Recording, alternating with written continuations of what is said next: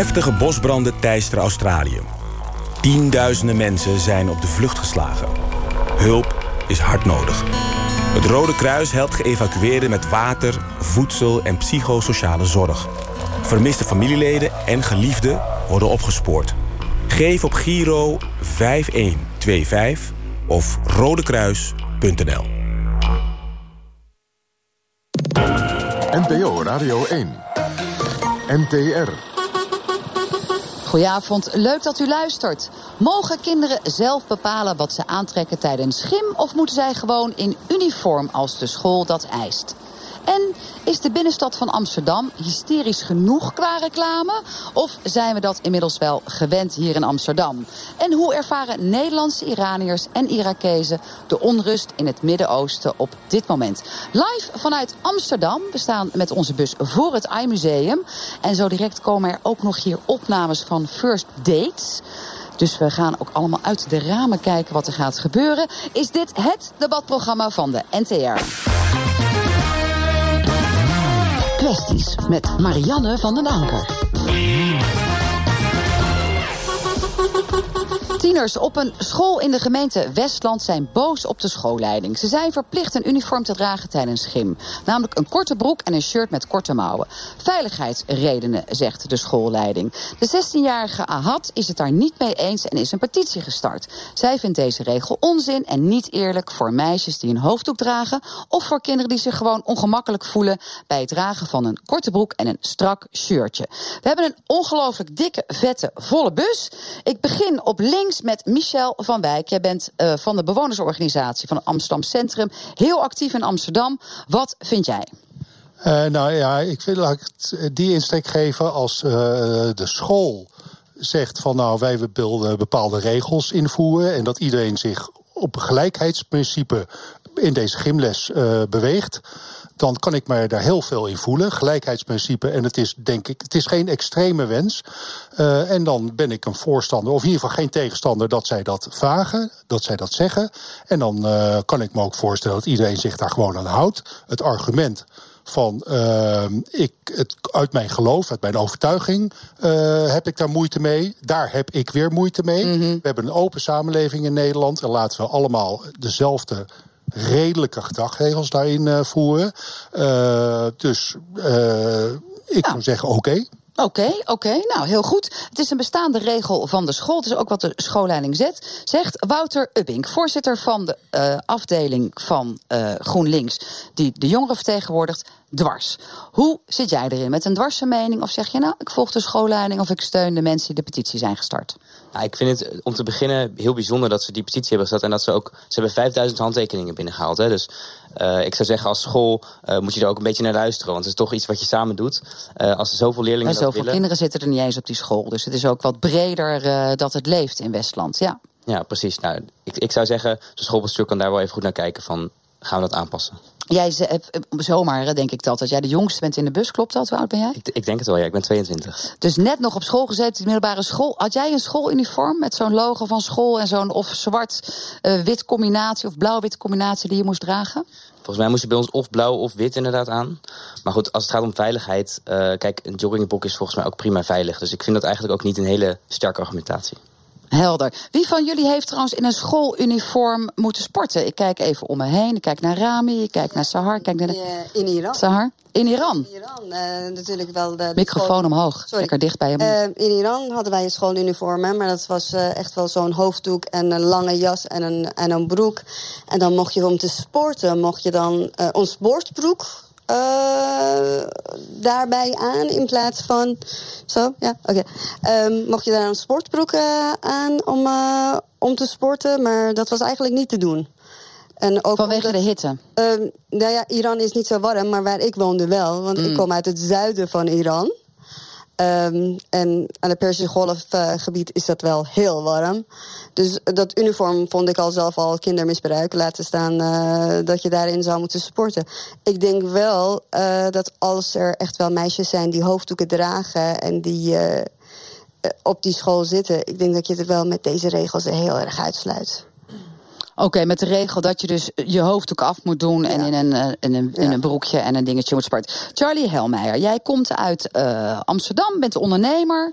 Wat vind jij en hoe zat het er bij jou uh, vroeger uit, het schooluniform? Of mocht je gewoon kiezen wat je aandeed? Nou, ik kom uit Curaçao oorspronkelijk. En daar hadden we uniform ook nog op de middelbare school. Maar het aparte was. Maar uniform ook gewoon voor in de klas of alleen tijdens het sporten? Maar ja. tijdens het sporten mocht je, draag je, mocht, je, mocht je dragen wat je wil. En erger nog, de meeste meisjes die hadden vaak wat uh, moeite met dat ze misschien te schaars gekleed waren. Dus daar hadden ze wat regels over. Maar ik vind het nu best wel grappig dat. Uh, mensen, mannen, vrouwen, whatever, uh, jongeren, hoe je, hoe je het wilt noemen, geven aan. Zij willen juist langer kleding. en als ik naar de sportschool ga, dan draag ik soms ook een lange broek. En dat is dan opeens een issue. Die we, ik bedoel, het zijn jongeren, maar die kunnen nog, nog steeds kiezen. Ik snap dat je een uniform wil, prima. Maar, maar waarom snap je dat een school een uniform wil voor het sporten?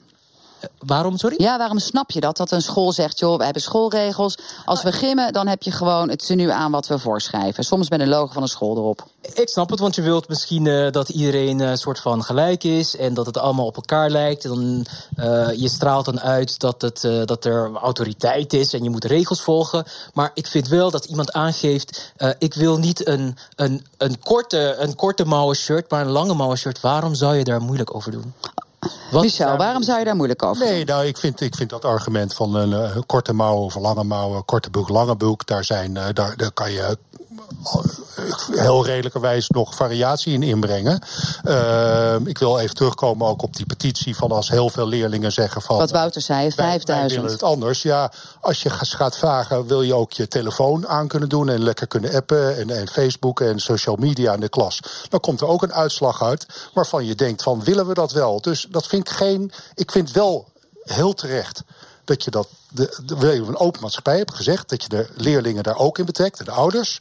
Maar als die school zegt, nou, dit staan wij voor, dan mogen zij dat zeggen. Dat, vind daar kan ik achter staan. En dat je een variatie inbrengt. Want ik hoorde in, in het voorgesprek dat er een argument is, bijvoorbeeld lange bulken uh, zouden een, een veiligheidsrisico opleveren. Nou, daar kan ik me persoonlijk weinig bij voorstellen. Dat moet iemand dan maar uitleggen. Nou ja, mijn vader is zijn hele leven lang gymleraar geweest en leraar Nederlands. En die zei wel altijd, omdat je natuurlijk heel vaak ook kinderen moet begeleiden als ze over een bok heen springen. Ja. Je moet ze goed kunnen vastpakken, ja. zodat ze niet onder je handen wegglippen, ja. want dat is wel een risico. Dus nou, los zitten in de kleding is wel on onhandig. Komt, uh, over het strand en daar zijn ook allemaal hardlopers die, veel hardlopers die lange bulkijn hebben. Dat heet een tijd. Die zit gewoon strak om je benen. Die kan je vastpakken. Moet je ook weer mee oppassen als. Uh, ja, zo glad als een aal zijn die broeken. Dus, uh, jouw vader misschien, maar vandaag de dag zou die daar ook weer mee anders mee omgaan. Ja, en dan moet je ook weer opletten op seksuele intimidatie. Dus, nee, het is allemaal ingewikkeld. Het wordt allemaal, ja, het wordt een beetje misschien, ja, ik weet niet of ik het mag zeggen, maar opgefokt. Uh, je kan ook zeggen, jongens, laten we relaxed doen. En dat is een hele redelijke regel. Oh ja. Wouter Ubbink, het is best redelijk. Dus die 5000 kids, ja, ach, weet je. De school mag gewoon uniformen verplicht stellen. Ja, kijk, uniformen hebben, hebben meerdere aspecten. En een, een, kleur aan een uniform geven, dat kan de school best zeggen. Daar kan je ook niet zoveel op tegen hebben. Maar ik zou inderdaad zeggen, als leerlingen zeggen van... ik wil graag een lange broek of, uh, of, of whatever, een hoofddoek. Um, zolang de veiligheid dat toestaat, hè, dus je kan ook bijvoorbeeld een strakke lange broek hebben... zou ik zeggen, ga dan in gesprek en zoek een oplossing. Ja, en dat ga ik toch ja, even op in, want ik ben voor het Franse systeem. Ik respecteer godsdiensten, islam, katholiek, protestant. Maar in Frankrijk zeggen ze ook, binnen die school zijn we allemaal gelijk. Gaat die hoofddoek af. Ja, en ook dikkere en kinderen. zeggen zij dat hier ook met die gymles. En daar kan ik me heel veel bij voorstellen. Dus je moet niet zeggen, hoofddoek respecteren. Nee, zij zeggen, we zijn allemaal gelijk. En religie speelt geen rol bij die gymles. Michel, het is niet alleen zo dat um, AHAD die petitie is gestart voor uh, kinderen die een hoofddoek hebben, die ze overigens zelf niet dragen, maar ook omdat sommige kinderen zeggen, het zit gewoon te strak en die zijn net wat voller. Dan kan je heel flauw zeggen, dan moeten ze harder gaan sporten, want dan worden ze misschien slanker. We moeten respect hebben voor mensen die iets voller zijn, iets minder vol. Er zijn verschillen. En iedereen, is, je moet, ik beoordeel mensen op hun karakter, of wat ze inbrengen, uh, op hun, op, op, en, en niet hoe ze eruit zien. Dat is, dat is onzin. Charlie Helmeijer. Maar pubers van 14 misschien wel. Dus ik kan me voorstellen als iemand wat voller is. En stel je voor, ik ben 14 en ik ben voller en ik voel me voor whatever reason. Ja. Over vijf, zes jaar heb ik het niet meer hopelijk. Want dan word je wat wijzer. Dan denk je, waar maakte ik me druk op? Nou ja, als mensen meekijken, jij bent in ieder geval nu heel strak gespierd. en ziet er echt goed uit. Maar stel je maar voor, en ik wil dan langer kleding omdat ik me fijner voel. Ja. Dan denk ik, wie kan mij daarover iets gaan vertellen? Nee, maar dat dat vind ik gewoon te gek. Ik vind het heel valide als je zegt een lange mouwen, korte mouwen, lange broek, korte. Ja. Maar, Maar daar gaat deze petitie ook over. maar want nu als is het 14 helemaal niks. En je zegt, ik wijs jou af omdat je wat voller bent, dan vind ik dat je ook een 14-jarige daarop mag aanwijzen dat dat een ongelukkig dat dat niet argument goed is, ja, Maar tuurlijk. als we mensen echt op karakter Wouter? beoordelen, dan vraag ik me ook af waarom we überhaupt een uniform nodig hebben. Ik, ik ben heel blij dat we in de meeste scholen in Nederland dat je gewoon kan aandoen wat je wil. Ja, tegelijkertijd, was volgens mij het argument wat jij ook inbracht, Charlie. Het is ook een soort meer gelijkheid als iedereen een uniform heeft. En van sporters weten we ook heel vaak dat je dan natuurlijk net weer, als je je anders kan kleden, ook weer nog meer kan onderscheiden met een duur trainingspak. En een ander is dan weer hè, een beetje ongelukkiger omdat hij geen merkkleding heeft. Dat helpt toch ook meestal waarom je een uniform kiest, juist bij sporten, Wouter? Nou Ja, we hebben op de meeste scholen hebben we bij de gym, buiten de gyms, bij normale vakken mag je ook aandoen wat je wil. Dat hebben we juist afgeschaft om mensen eh, zich te kunnen uiten, dat ze zich te kunnen ontwikkelen. Eh, volgens mij is dat een goede zaak en is dat niet anders bij gym. Nou, we gaan het volgen, want de petitie is inderdaad al 5000 keer getekend in Westland. De schoolleiding blijft voorlopig bij het standpunt dat het hun voorschriften zijn. En dat je dat wist toen je op school kan. Wordt vervolgd. Kwesties met Marianne van den Anker. In Amsterdam, waar wij overigens niet op de plek staan met heel veel reclamezuilen, want die zijn aan de overkant van het ei. Daar eh, is sinds 1 januari een nieuwe regel, namelijk reclamevideo's die op MUPI's, zo heten die dingen, van die zuilen die echt fel verlicht zijn van binnenuit en 24 uur per dag ook licht uitstralen. Daar kon je tot voor kort reclamevideo's op tonen, maar dat mag niet meer. Het gemeentebestuur heeft besloten om dat te verbieden. Als argument de binnenstad vercommercialiseert en dat willen we op die manier tegengaan. We beginnen met Michel, want jij hebt je ongelooflijk hard gemaakt om deze dingen weg te krijgen vanuit jouw bewonersorganisatie Amsterdam Centrum. Vertel en vertel ook meteen dat je van mening bent veranderd. Ja, ik, ik heb me dus in eerste instantie niet zozeer hard gemaakt. Want ik was in eerste instantie geen tegenstander, op zijn minst gezegd, van eh, muppies, van reclamezuilen met bewegende beelden. Ik, ik moet eerlijkheidshalve bekennen dat ik zelfs bij een aantal gevallen gepromoot heb. Ik heb daarin En promo gepromoot waarom? eh, zakelijk. Ja. Zakelijk. eh, Inkomsten bij, voor de bij. Of bij eh, retailbedrijven, bij reclamebedrijven. Om te laten zien wat de mogelijkheden zijn als je bewegende beelden, als je video's die je al op andere social media, op, op massamedia vertoont, om dat ook daar te vertonen. Kan ik heel veel over vertellen, ga ik nu niet doen. Ja, het is hopelijk ik, heb geen... kader, ik heb in het kader van mijn contacten met bewonersverenigingen... hebben mensen mij overtuigd eh, in, eh, in de loop der tijd, in, in een aantal maanden, zou ik maar zeggen... van die binnenstad, die is al ontzettend druk. Daar heb je ongelooflijk veel visuele en audio indrukken. Eh, moeten we dit erbij willen hebben? En toen heb ik mij laten overtuigen van... nee, dat is misschien ongelukkig. Nog meer video, in dat straatbeeld. En het gaat niet om overigens om automobilisten. Het gaat gewoon ook om mensen die lopen. Maar gewoon nog meer onrust. Eh, ja, dat is misschien niet nodig. Ehm, moet je daarmee die digitale eh, reclamezuilen weghalen. Nou, ik ben, en daar heb ik ook weer eh, in het kader van mijn bewonersactiviteiten eh, een activiteit over opgestart. Nee, je moet ze houden, want die geven heel veel mogelijkheden om veel meer gedifferentieerde, verschillende informatie. Ja, want je per zit een buurt. knopje waar je op kan Nou, je, drukken. je en hebt nog hebt andere nu al eh, dingen waar zit een knop op en dan komt er een plattegrond van Amsterdam en die verdwijnt weer na een paar minuten. Maar je kan ook zeggen, als eh, de firma, ik mag geen namen noemen, Nee, ik zat bijna te denken, heb jij daar belangen in? Maar dat is niet zo.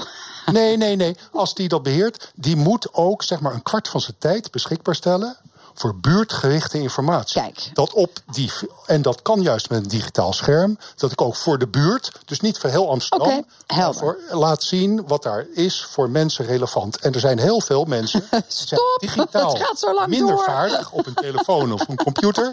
En die kan je op die manier bereiken. Nou, echt een monoloog van bijna anderhalve minuut, Michel.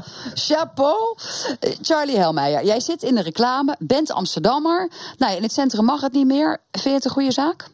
Eh, in het begin vond ik het ook lastig. Eh communicatiewetenschap gestudeerd. eh marketeer als het ware. Dus ik zal moeten zeggen... ehm, Uh, nee, ik vind het prima. Uh, ik kan snappen dat op sommige plekken je het misschien uh, minder leuk vindt. Ik vind het wel fair om. dat heb ik bij alle onderwerpen. het woord verbieden past nooit bij mij. Ik vind het wel fair om te gaan zeggen: we gaan iets verbieden. Nou, het stadsbestuur zegt: het wordt, we willen er voor commercialisering tegengaan. Hè? Ja, dus op alle gevels zijn er al reclame. Dan ook nog op die borden, dan ook nog met bewegende beelden. Het is too much. Ja. Maar ze zeggen niet: het is vanwege verkeersveiligheid, want iedereen krijgt duizend indruk. Het is juist vanwege die voor commercialisering. Uh, onderzoeken laten ook zien dat het helemaal niet uh, afleidend is qua verkeer enzovoort. Uh, voor commercialisering vind ik zelf, nou, het stadbestuur mag even door in de stad lopen. Dan zullen ze wel zien wat voor commercialisering is. En dat ligt niet aan reclame. Um, waar waar dan wel aan? elke deel van de stad is verkocht aan een of ander gigantisch bedrijf. Dus ja, laten we nou even rustig doen met vercommercialisering. Dat laten we ook allemaal toe. Dat vinden we ook allemaal prima. Je zegt die zuilen achter, maakt niet uit. Ze zijn er toch, laten maar bewegende beelden opkomen. Maar jij zei ook, ja, ik toch zeg, van mening van. Ik zeg in een rustige buurt waar veel mensen wonen, kan ik snappen dat je dat niet wil. Maar op een Rembrandtplein of een Leidseplein of uh, de Spuistraat waar ik woon. Ja, daar hebben we het wel over, die drukke plekken. Dat zijn de drukste plekken ter wereld. Joh. Een reclamecel gaat er niks aan toevoegen of Het gaat om die bewegende beelden. Ook nog eens een keer bewegend beeld in je linker ooghoek, rechter ooghoek, flikkerend en wel. We zien dat jongeren heel veel houden van bewegende beelden. We kunnen allemaal. Ja, en die kunnen zich nergens meer op concentreren, juist omdat ze alleen maar op zo'n schermpje zitten. Wouter Ubbing, voorzitter van Dwars, de jonge organisatie van GroenLinks. Ja, nou, ik, ik, zag net zo'n bord toen ik hier naartoe ja, kwam zitten. Klopt, dus bij dat bootje. Ja. Uh, je kijkt naar niks anders meer. Dus je ziet dat en je kijkt nergens. Terwijl ik denk, volgens mij is er in het centrum genoeg moois te zien. Uh, en is het juist is het zonde als, als mensen alleen maar naar die borden gaan kijken. Er zijn genoeg plekken waar je wel uh, reclame kan maken met bewegend beeld. Op internet, op tv. Um, volgens mij kun je het prima daarbij houden. En ik vind zo'n verbod, zo'n verbod wel een goed idee. Ja, maar denk je ook niet dat jongeren gewoon denken van... ik wil dan swipen op zo'n bord, omdat ze zo gewend zijn ook dat je iets kan aanraken... dat een bewegend beeld voor hen eigenlijk geen verschil meer maakt? Uh, ja, ik, nou, het is volgens mij is, is, er wordt gezegd dat jongeren vinden het leuk, hè, een bewegend beeld. Het is iets waar je naar kijkt. Uh, maar als je het op straat tegenkomt, dan wordt het eigenlijk geforceerd. Dan, dan moet je er bijna wel naar kijken.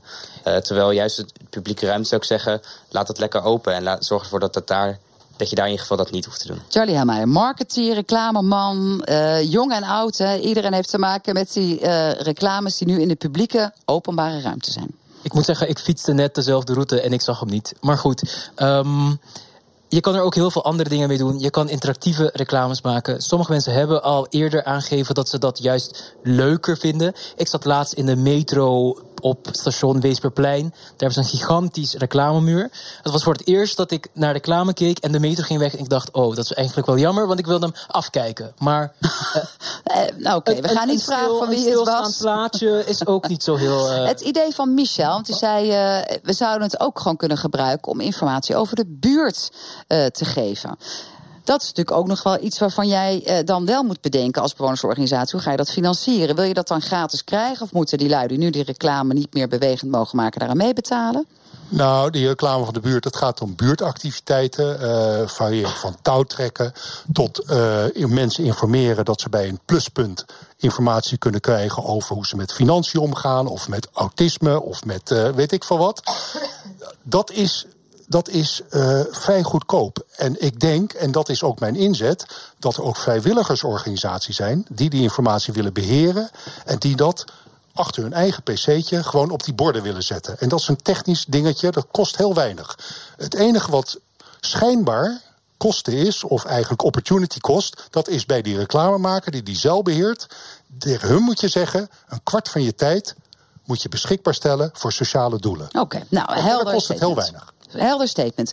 Over heldere statements gesproken. Onze technicus slash chauffeur die altijd met deze knalgele bus door heel Nederland rijdt. Die zei nog, Ben Walgeet hij. Je mag niet appen achter het stuur, je mag niet bellen achter het stuur. En ik kom op al die wegen in Nederland heel veel grote reclamezuilen tegen. Ik moet mijn aandacht op het verkeer houden. Dus waarom gaan we dit goede idee van Amsterdam juist niet wat verder in Nederland uitzetten? Want het leidt alleen maar af, die grote knallende reclamezuilen met bewegende beelden. Dat gezegd hebbende. Sommige ouders willen heel graag een jongetje of juist een meisje. Nu is er de mogelijkheid om via een kliniek in het buitenland het geslacht te kiezen. Door het embryo vooraf al te manipuleren staat vooraf al vast wat het geslacht wordt. Zo kun je als ouder kiezen of je een jongetje of meisje krijgt. Nou, er zijn ook mensen in Nederland die het doen. Wouter, wat vind jij? Moeten we dit in Nederland ook toelaten? Want nu moeten deze mensen die te maken hebben met in het Engels gender disappointment, schijnt daar iets erkend te zijn, helemaal naar het buitenland en 10.000 euro betalen. Nou, ik denk als je het hebt over ouders met gender disappointment. Kijk, het, het, moet voor ouders wel duidelijk zijn: je kan niet een kind op bestelling krijgen. Zelfs als je kiest welke chromosoom een baby heeft, een DNA zegt niet altijd iets over het gender van het kind. Iemand kan transseksueel, of, uh, transgender zijn, iemand kan uh, non-binair zijn. Uh, dus dat moet denk ik altijd duidelijk zijn voor ouders. Maar ik weet niet in hoeverre de genmanipulatie al, of, of het uh, in elkaar klussen van met IVF in petrischaaltjes uh, al is ver is gevorderd. Maar het geslacht kan je nu wel bepalen. Al die andere dingen denk ik nog niet. Maar jij zegt geslacht ook niet. Gewoon niet doen. Niet toestaan in Nederland. Nou, op zich, ik vind het. Het is een. als je mensen die optie geeft. Kijk, stel je voor, je hebt een gezin en je hebt al drie jongens en je denkt ik wil, uh, ik wil graag een meisje. Um, en je accepteert ook dat dat misschien uh, uiteindelijk een meisje is dat een jongen wil worden. Dan is dat zo'n vrijheid, is dat misschien wel heel fijn voor die ouders. Um, dus ik, zeg, ik, ik zie niet heel veel bezwaren om dat in te voeren. Uh, maar ik denk wel dat we daar goed mee om moeten gaan. Hmm. Nou, ik ben benieuwd hoe de rest van de bus erover nadenkt. Ik kijk ook nog even wat breder om mij heen. Um, Michel, zonder enorme lange monologen, want dat goed. weten we van jou. Kom op, ter zaak, wat vind jij? Wel of niet dat toestaan in Nederland? Of zeg je, joh, het is echt te gek voor woorden dat dat zelfs in het buitenland wordt toegestaan? Dat je nou, het is een ethische kwestie en we zijn daar op dit moment nog niet aan toe. Dus ik zou kort gezegd, dat vraagt, zeggen nog niet toestaan. Uh, ik heb. Uh, ik, ik, ik, moet, ik moest toen ik het hoorde meteen denken aan een film. Die heet The Boys from Brazil. Die, niet iedereen kent dat, dat moeten ze maar eens opzoeken. Ja, en dat is, uh, dat, ja. dan kom je er wel achter wat ik bedoel. Uh, ik denk dat we uh, op dit moment al een wetgeving hebben waarbij het mogelijk is om een heel vroeg stadium van, van, van de ontwikkeling van het kind, van de embryo eigenlijk, moet ik nog zeggen, te zien of het misschien ernstige afwijkingen heeft. En daar hebben we wetgeving over. Daar kan ik mij invullen kunnen we ook mm -hmm. maatschappelijk in vinden. Ik denk dat we op dit moment niet veel verder moeten gaan. Het is genetische manipulatie. We hebben al een enorme discussie over genetische manipulatie bij gewassen. Terwijl dat iets juist is waar we de wereldbevolking in de voedselontwikkeling misschien mee kunnen helpen. Uh, maar bij mensen genetische manipulatie. Laten we dat voorlopig nog niet doen. Laten we eerst een echte goede ethische discussie over. Ja, het, het is Dank. geen manipulatie, ja, het is uh, selectie van embryo's. GroenLinks, voorzitter van de jongen. Ja, noem het zoals je het wil, maar je, je gaat gewoon zeggen... ik wil een meisje, je krijgt een meisje. Nou. Ja, het is volgens en mij, wat ik, ik ervan heb begrepen... Ogen, in IVF-achtige settings. Is. is. het gewoon buiten het lichaam, wordt het geklust... en wordt er het uh, bevruchte eitje wat een mannelijk geslacht heeft teruggeplaatst... als je een man wil, en van het vrouwelijk geslacht als je een meisje wil. Charlie, jij kijkt een beetje alsof je denkt... ik hoop niet dat ze me aanspreekt, maar dat ga ik toch doen. Um, nee, ik vind het eigenlijk een, een aparte discussie. Een beetje, het is een beetje lastig, maar goed. Je kan het in het buitenland. Dus eigenlijk is het nu niet uh, mag, het, mag het wel, mag het niet. Maar het is wie heeft genoeg geld om het te doen. Oké, prima. Dus dat kan al, maar dan moet je ergens anders heen gaan. Um, er worden verschillende embryo's uh, gepakt en dan worden ze allemaal bevrucht. En dan kijken ze welk is bevrucht met een X en een Y en een X en een X. Dan wordt er eentje uitgekozen. Dus zo erg gemanipuleerd is het dan niet. Um, zoals ik al zei, ik ben heel erg uh, niet zo snel voor het verbieden.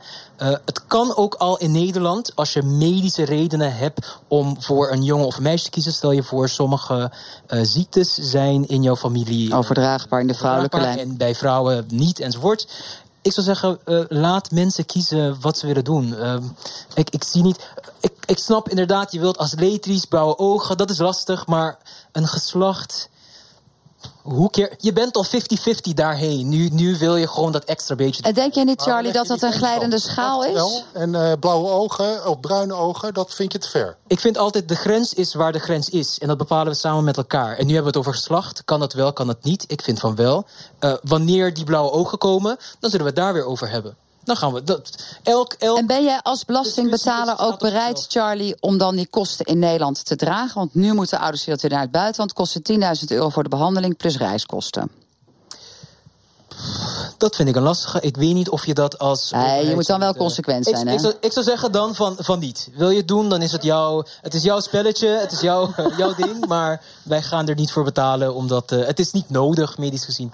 Kijk even rond. Dania, Sahar of Rami, willen jullie hier nog op reageren? Ik weet niet hoe ver het zit met jullie kinderwensen, et cetera. Jij bent net verloofd. Ja. Uh, verloofde is mee. Ja. Wat vind jij, Donia El uh, Obaida? Ja, um, nou ja, ik uh, van mijn part, uh, waarom niet? Ik bedoel, technologie van tegenwoordig die gaat al heel erg ver. En we gaan erin mee of we het nou willen of niet. Of het nou in Nederland is of buiten Nederland. En um, voor de rest, uh, je kan ook al uh, kiezen of het nou een tweeling wordt of een drieling of een vierling. Dat kun je ook al bepalen in het buitenland. Dus uh, nou, of het een man of een vrouw is. Ja. En straks hoef je misschien als moeder het niet eens meer te dragen. Dan stop je het ja. ergens in een machine. Dat zou dan wordt het echt broeder. Zeg je dat echt? Meen je dat oprecht? Ja, dat meen ik op. Oh, nee, ik ben zelf vier keer zwanger geweest. Het is ook wel heel mooi om zwanger nou te zijn. Ik heb vriendinnen gezien die ook zwanger zijn en bevallen waren. Nou, ik, ik denk echt van, nou... Slagveld, daar heb ik geen zin in. ik, en zo eindigt wel even. dit vrij serieuze onderwerp nog in een luchtige ja. sfeerstemming hier in deze bus van NPO Radio 1. Kwesties met Marianne van den Anker. Fijn dat u luistert. We staan zoals gezegd met deze knalgele bus van NPO Radio 1 in Amsterdam. Aan de overkant van het ei waar al die reclames zijn. En we hebben hier een geweldige uh, bus vol met mensen waarmee we verschillende kwesties bespreken. Normaal gaat het altijd over onderwerpen die zich in onze eigen regio afspelen waar we staan met de bus. Maar deze keer gaan we de grenzen over. Een week geleden werd de wereld opgeschrikt door een aanslag van Amerika op de Iraanse generaal Soleimani. Dat kan niemand zijn ontgaan. Een surreële reële week volgde daarop, waarbij zelfs een vliegtuig van de Oekraïne International Airlines per ongeluk door nota bene Iran zelf uit de lucht werd geschoten. 167, uh, 7, 176 passagiers overleefden het ongeluk niet. Niemand heeft een glazen bol. We kunnen alleen maar gissen in wat gaat deze langdurige strijd tussen Iran en Amerika eindigen. Vrede of een derde wereldoorlog. Hoe ervaren Nederlandse Iraniërs en Irakezen deze onrustige week en ontwikkelingen in het Midden-Oosten? Ik praat erover met de Nederlands-Iraanse Sahar, u hoorde haar net al even, Sahar Navrar, en de Nederlandse Irakezen Dania El Ubaidi en Rami Al Mughkaiwar. Het is ook nog eens een keer zo dat we net natuurlijk te horen hebben gekregen dat er ook nog eens een keer een raketaanval is geweest in Bagdad. Waarvan we nog niet weten wie daarachter zit. Maar we willen dit gesprek in ieder geval met jullie starten door heel kort aan jullie te vragen hoe hebben jullie gereageerd op de dood van Soleimani. Ik zie uh, dat jij al meteen de microfoon naar je mond wilt trekken. Ja. Sahar Nafar. ja, um, ik zal de eerste zijn die niet uh, om die man zou rouwen. Ik uh, denk uh, met mij vele Iraniërs die weten wat uh, de revolutionaire garde is. En, ja, vertel nog even, wat is die revolutionaire garde aan? Nou ja, in een Nederlandse context kan je het het beste waarschijnlijk vergelijken met de SS in de Tweede Wereldoorlog. Het is een extra tak van, de, van de militaire orde.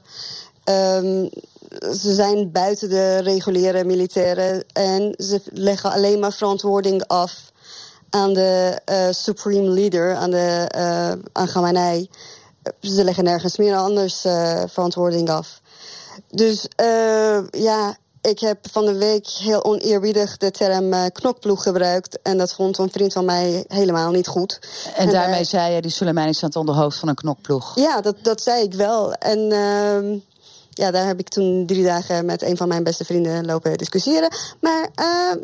Dat zullen we denk ik ook in het komende half uur ja. steeds vaker hebben. Want het is ook echt, had ik ook in de voorbereiding met het hele team, ongelooflijk lastig om alles nu goed te kunnen duiden. Maar voor jou was het in ieder geval helder hoe jij hebt gereageerd op de dood van Soleimani, die inderdaad aan het hoofd staat van die, internationale, van die uh, garde. Dat is natuurlijk ook echt iets heel bijzonders. Überhaupt ook qua inbedding in een, uh, nou ja, in een systeem, in een regime. Ja, maar hoe dit gedaan is, is dus natuurlijk niet heel handig.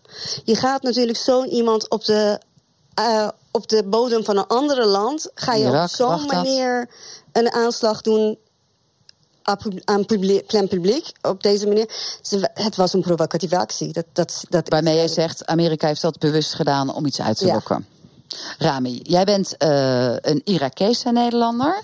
Hoe kijk jij terug op dat moment van die dood van Soleimani? Um, ja, ik was wel geschokt, uiteraard. Uh, het eerste wat met mij opkwam is uh, waarom in Irak? Um, en heb je daar ook een antwoord op? Want dat denken wij natuurlijk ook ja, met ja, kijk, heel veel mensen. Waarom in Irak? Ja, tuurlijk. Kijk, uh, uh, Amerika wil een boodschap daarmee uh, mee, mee naar de wereld zenden. vooral naar Iran. Als je kijkt naar al nieuwskoppen. Dan, dan kan je terugzien dat het in ieder geval Soleimani in Libanon was. En dan in Syrië op dezelfde dag. En dan in Bagdad en onderweg naar Teheran.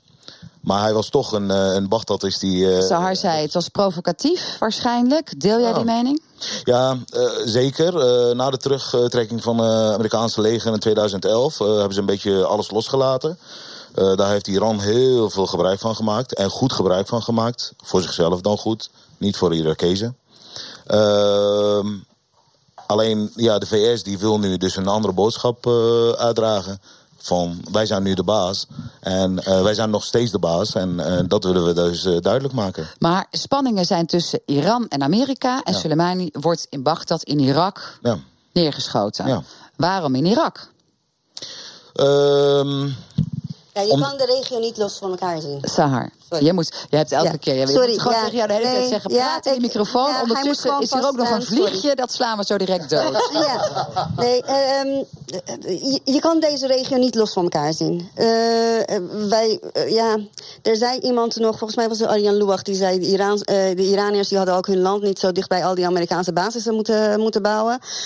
Maar ja, uh, waarom in Irak? Precies wat Rami net zei. Na, de, uh, na het feit dat uh, Amerikanen zich hadden teruggetrokken, viel daar, was daar een gat. Er was een vacuüm. En daar is Iran, met, vooral met die revolutionaire garde en met die rotsforce, zijn, zijn daarin gesprongen. Dus uh, is het een soort speelplekje of een oorlogsplekje, Irak? Irak als, als, uh, ja, nou ja. Irak is sowieso niet in de handen van de Irakezen, zo zie ik het.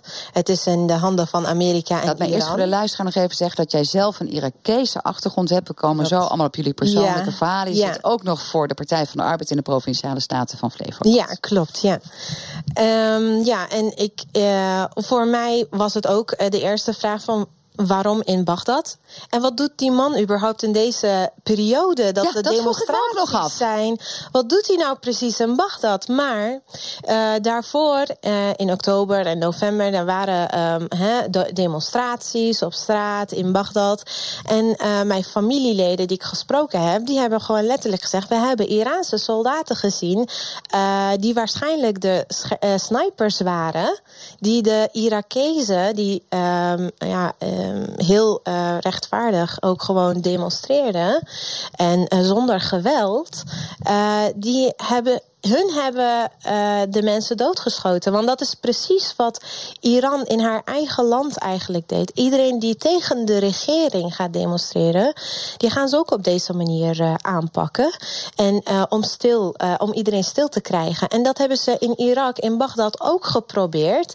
En dit is eigenlijk een bewijs dat Iran inderdaad, dat daar uh, wat aan de hand is. En dat ze inderdaad in, in Irak waren tijdens deze um, demonstraties en met iets bezig zijn. Ja, en dat de jij, regering ja. er ook Ja. gewoon mee akkoord is. Want uh, als, de, als de regering dit niet wou, waren ze ook niet binnen. Zo kijk ik ernaar. Wat vond jij zelf van het feit dat hij, hè, ondanks dat, dat we dan net van jou hebben gehoord hoe jij aankijkt tegen waarom het in Irak is, dat hij is vermoord door de Amerikanen? Um, uh, ja, dat hij is vermoord. Um, ik ik uh, treur er niet om. Uh, en degene die er wel om treurt, ja, die, die heeft zijn eigen redenen, persoonlijke redenen. Daar kan ik niks over zeggen. maar ik weet wel dat hij echt heel veel te, voor terreur heeft veroorzaakt. niet alleen maar in Irak, maar in Libanon en in Syrië en wat andere landen. Hij stond ook al lang op het lijstje, Ja, ook overigens ja, van Amerika, ook onder Barack Obama en zelfs vorige president. Maar ja, zoals je ziet, uh, hebben ze het op een grond, ja, ander grondgebied, ander land. Maar ja, het is wel onder hun macht. Dus, uh, en de Iraakse regering heeft er bijna niet echt op gereageerd. En Niet zoveel. Ik bedoel, stel je voor dat het in Nederland was. Wat zou er dan gebeuren? Maar je ziet nu gewoon wie de leiding heeft. En is dat is duidelijk. antwoord. Dat zijn die twee landen. Die twee landen. Want Iran heeft ook nog daarop gereageerd, ook weer in Bagdad. Ja. En weer daarover heeft niks, de regering niks eh, over gezegd. Nou ja, niks bijzonders. Dus het is een heel duidelijk beeld. Ja. Nou, dat als kort rondje over de reactie op de dood van Soleimani. Eh, Rami, hoe, re- ja, hoe is deze hele eh vete, dit al langslepende conflict voor jullie persoonlijk? Jij komt zelf, je bent inmiddels 35 jaar eh, ondernemer, op je 16e naar Nederland gekomen. Maar dit raakt jou wellicht hier nog, of heb je nog familieleden daar? Kun je er iets over zeggen? Ja, ik heb heel veel familieleden nog daar. Ehm, ik heb ook overigens ook familie hier. Ehm, ja, het blijft je raken. Ik bedoel, het, het, het, het blijft je eh, hè, land waar je geboren en getogen bent. Je hebt heel veel herinneringen. Ehm, het blijft je raken. vooral omdat je ziet dat een volk eigenlijk een boete betaalt, of de tol betaalt van conflict wat helemaal niks. eh, En is dat een volk in jouw geval, als je dat zegt, de Irakezen? Of heb je ook te Iranezen. doen met de Ook Iranezen? Iranezen, ook precies hetzelfde. Kijk, Iranezen vragen ook niet om, eh, om, om, om, om dit soort gedoe. Want al die sancties die straks ook, die zijn er al. Maar wat nog meer eh, gaat, gaat uitbreiden, ja, daar, daar zal de, de regering daar geen last van krijgen. Heb jij die sancties zelf ook al meegemaakt? Want je bent pas op je 16 hier naartoe genomen, gekomen. Dus je hebt in principe nog best wel heel veel meegemaakt. Ja, Denk ook nog wel ja. het handelsembargo. In Nou ja, dat soort kijk, zaken. eh, eh, ik zal een klein voorbeeld noemen en dan, dan, dan besef je eigenlijk hoe ver het is. Ik, ik was nog een kind. ehm, ehm, het was zo, zo ver gegaan dat, het, ehm, eh, dat mensen wel een klein beetje geld hadden. Maar er was helemaal niks meer om te kopen. Hè? Eh, met salaris, mijn vader is ingenieur. Ik kon met salaris nog niet eens eh, eh, een doosje eieren kopen. Instabiliteit. Ehm, op een gegeven moment hebben wij zomerjassen hebben wij moeten pakken en een soort deken. om daar een, een, een winterjas van te maken. Het is, ehm, ik noem het altijd een periode waar een heel volk eigenlijk letterlijk en figuurlijk vernederd werd. Dat was ook de reden waarom in 2003 eigenlijk niemand wapen heeft gepakt en heeft gezegd: wij gaan vechten. Er was geen Mensen zijn energie. het gewoon zat. Mensen waren gewoon zat. En was er in de tijd dat jij nog zelf in Irak woonde ook angst, dagelijkse angst? Dat je Eh, zoiets had van eh, straks komt er een ja. aanval? Of... Nou ja, kijk, propaganda speelt een grote rol. Mhm. Eh, Irak heeft de oorlog in eh Kuwait verloren. Die zijn teruggetrokken. Maar geloof mij maar, wij zaten op straat eh, eh, te vieren dat wij, de Amerikanen en het Westen, hebben verslagen. Hè, dus je, je zit eigenlijk in een soort... Je wordt geconditioneerd met informatie die je dan maar meekrijgt. Tuurlijk. En dat is ook hetzelfde nu in Iran. Die krijgen ook niet... eh, een, Daar gaan we het zo direct nog even over hebben. Eh, Sahar, Narvar, hoe leeft het voor jou nog persoonlijk? Jij bent op je negende naar Nederland gekomen, met nu 39. Ik ben nu 39, dankjewel. Ja, ook jij ziet er echt fantastisch goed uit. Charlie heeft de spieren, jij hebt de Nee, looks. ja, ja, nee, ehm, eh, ja, nee, eh, nee, ik ben best wel trots op het feit dat ik 39 ben hoor. Ehm, nee, kijk, eh, en dan weet je ook wel meteen wanneer ik geboren ben. En ik heb de Iran en Irak oorlog meegemaakt. Ehm, ik heb ook meegemaakt dat, eh, dat er dingen niet te, eh, niet te koop waren als kind. Dat, dat wij urenlang, eh, dat mijn moeder urenlang in de rij moest staan voor melk en suiker en voor hele banale dingen.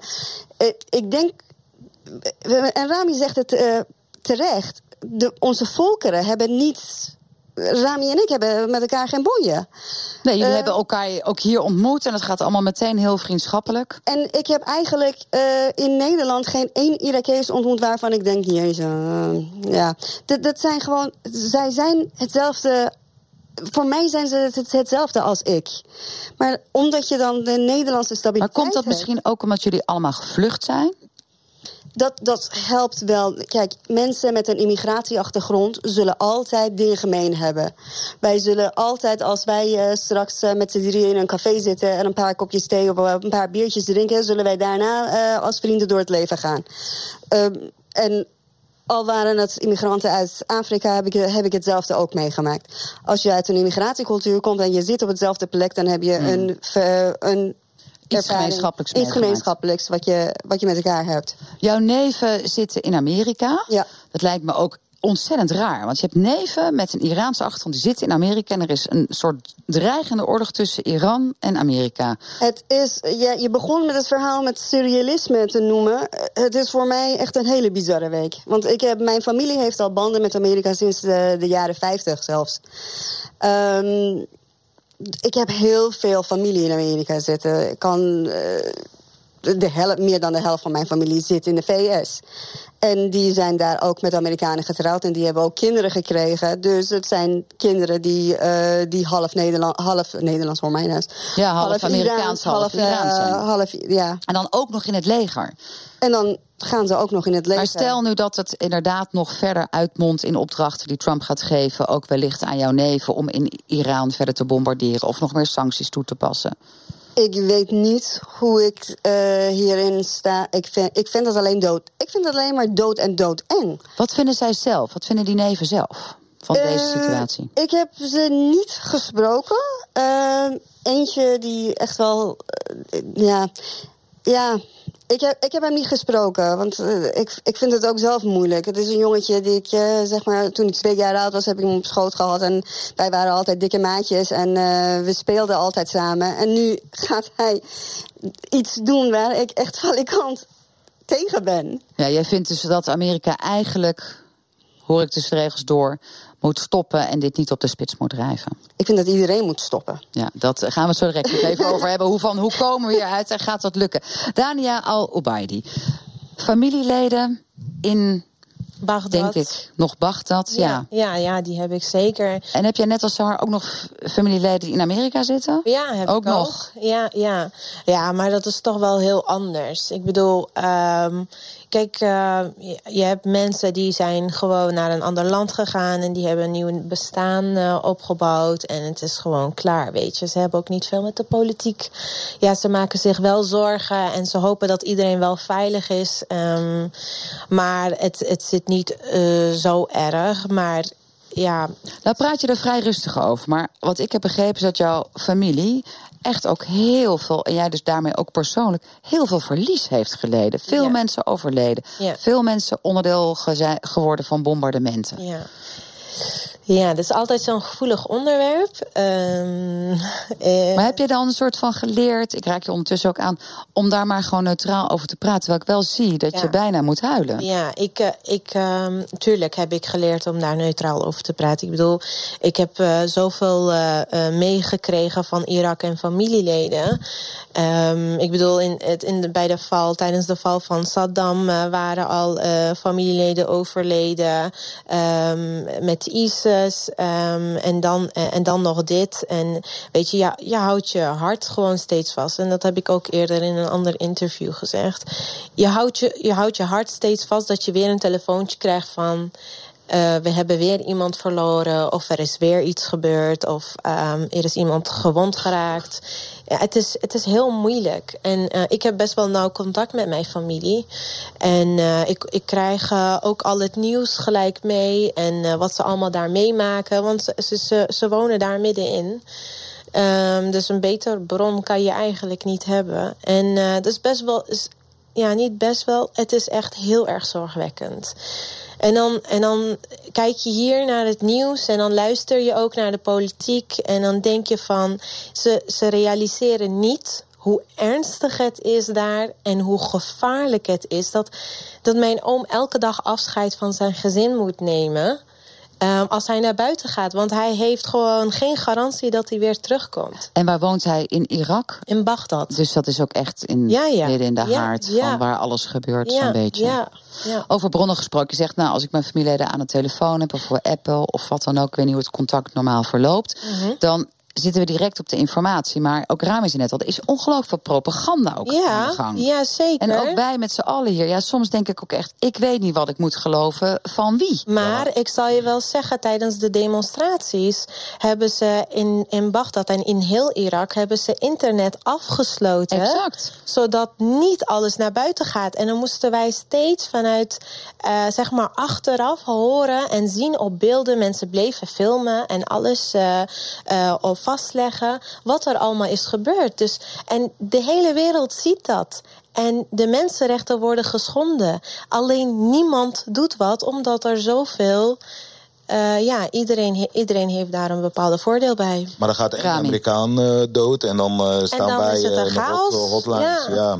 Dan is weer de burger van Irak ook de... de slachtoffer, ja. ja. Kijk, het is van maar er zijn natuurlijk ook nog steeds... Wij zien, wij zien natuurlijk gewoon van wat we kunnen tot ons kunnen nemen qua informatie. Zien we natuurlijk die aanslag, we zien de speech van Trump, we zien de represailles van Iran op de Amerikaanse legerbasis, uh, het neerhalen van het vliegtuig. Dat is dan natuurlijk nu ook naar buiten gekomen.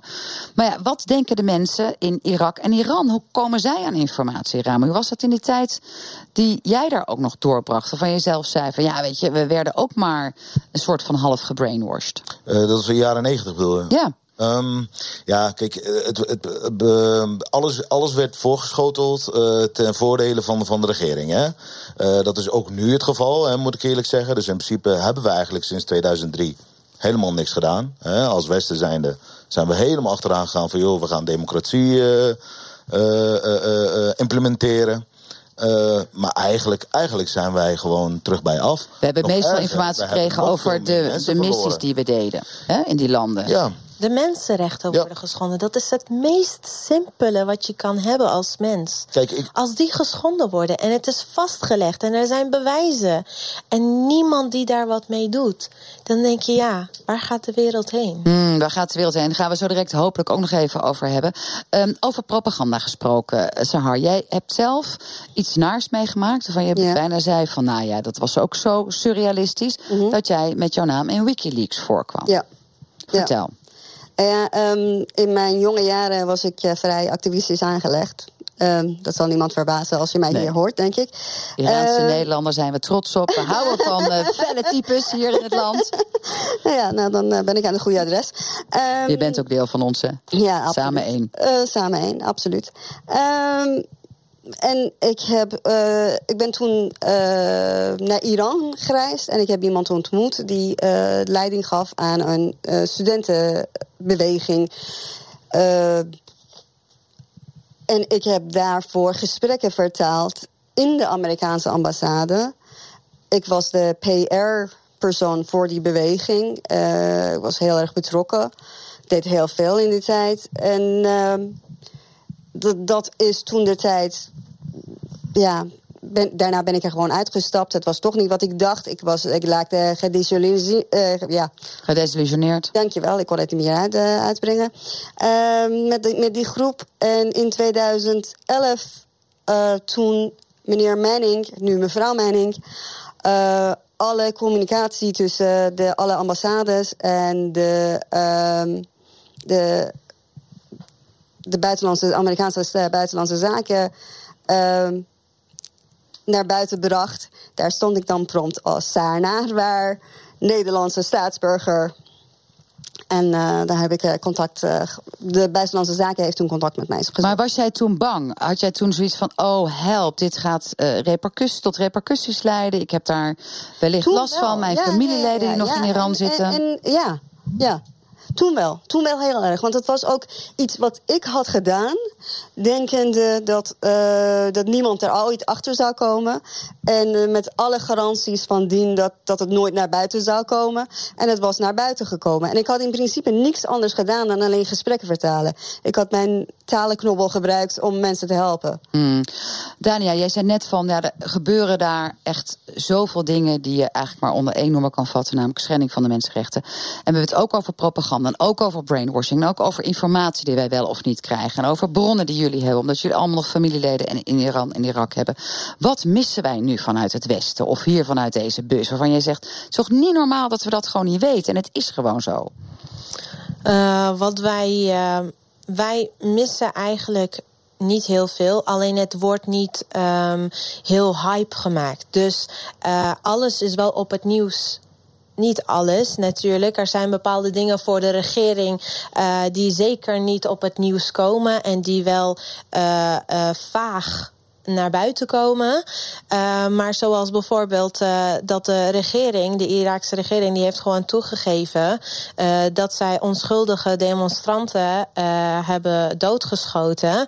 En ze zeiden ja, we hadden even geen controle over onze militairen. Dat was destijds. Dus, en, en, dan, en dan, ja, ja, en dan denk ik van. Nou ja, het is nu okay, met dat vliegtuig gaat, ook oeps, foutje ja, bedankt. En, en menselijke fouten, et cetera. berechten? Ik bedoel, uh, ik, wat ik ook, waar ik ook niet tegen kan, is dat wij in Nederland uh, nog steeds Irakezen terugsturen naar Irak met de reden dat het daar wel veilig is om te gaan wonen. En dan denk ik, en ze gaan alleen maar van papieren uit, maar mm. ze mhm. moeten verder kijken. Zeg jij dan echt met de kennis van nu en hoe het nu is, ook met alle demonstraties die nu gaande Na zijn? Dit nog steeds. Ik ken nog steeds mensen die tot de dag van vandaag teruggestuurd worden. Mm. Jij hebt natuurlijk ook een, een rol in jouw normale leven bij vluchtelingenwerk. Kan je dat niet meer? Of ja, oké. Van, vanuit dat idee dat we wellicht vluchtelingen terugsturen naar Irak, of dat er misschien ook straks meer vluchtelingen gaan komen. Daar is direct even over doorpraten. Zei jij nou, die demonstraties hè, van, een, van een, een, periode geleden, maar nu zijn er ook demonstraties bezig. Nog steeds. Nog steeds. en vandaag natuurlijk bij de universiteit in uh, Teheran. Dat is natuurlijk echt heel bijzonder dat er nu mensen opstaan. Zegt dat iets? Want nu staan er opeens Iraniërs op tegen het eigen regime. Die zeggen ja, niet, niet alleen maar Amerika is de vijand, die zit in ons eigen land. Ja. Het zijn onze eigen leiders. is dit de change in Iran? Ja, kijk, ik denk dat uh, uh, social media behoorlijk uh, krachtige middel is geworden voor mensen die eigenlijk geen stem hebben.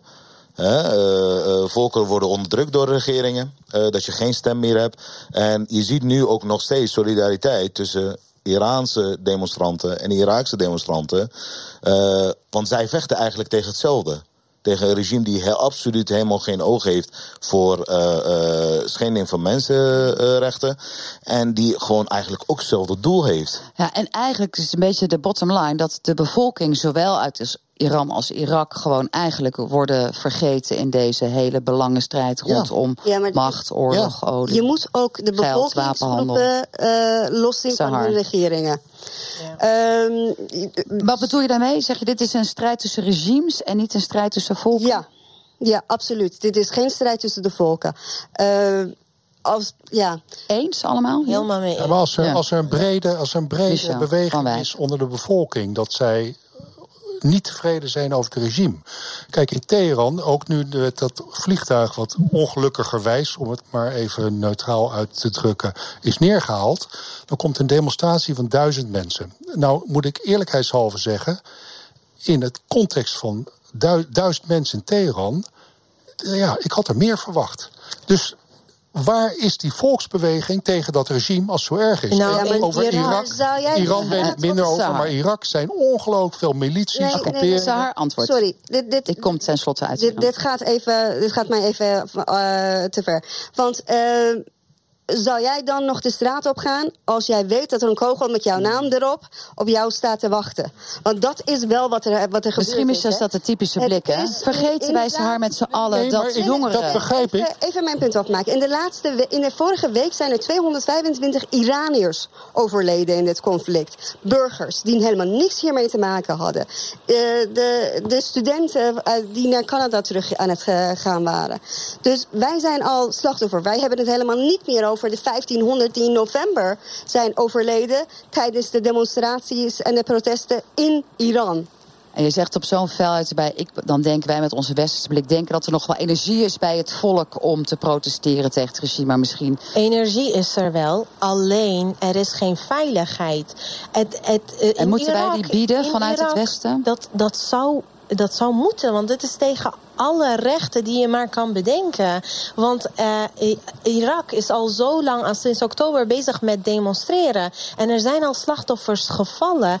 En nog tot de dag van vandaag is er niks gebeurd. De, huidige, de huidige regering... Ja, de, de bus draait al, dus we moeten afscheid gaan nemen. En dat doen we in een soort ja, interbellum waarbij we niet weten wat er gaat gebeuren. En waarbij hier vanuit de bus in ieder geval hopen dat het niet verder gaat escaleren. Dit was Kwesties vanuit Amsterdam. Dank jullie allemaal voor het feit dat jullie hier zijn gekomen en ook voor jullie openheid. Volgende week staat de bus weer ergens anders. Dan hebben we het natuurlijk weer over andere kwesties met inwoners en de lokale politiek. Dus blijf luisteren. Zo direct Radio Doc Marit met daarin de blijmoedige anti-natalist. Nou, gezellig is dat zeker te weten. Fijne avond. Salam alaikum. Tot volgende week. NPO Radio 1.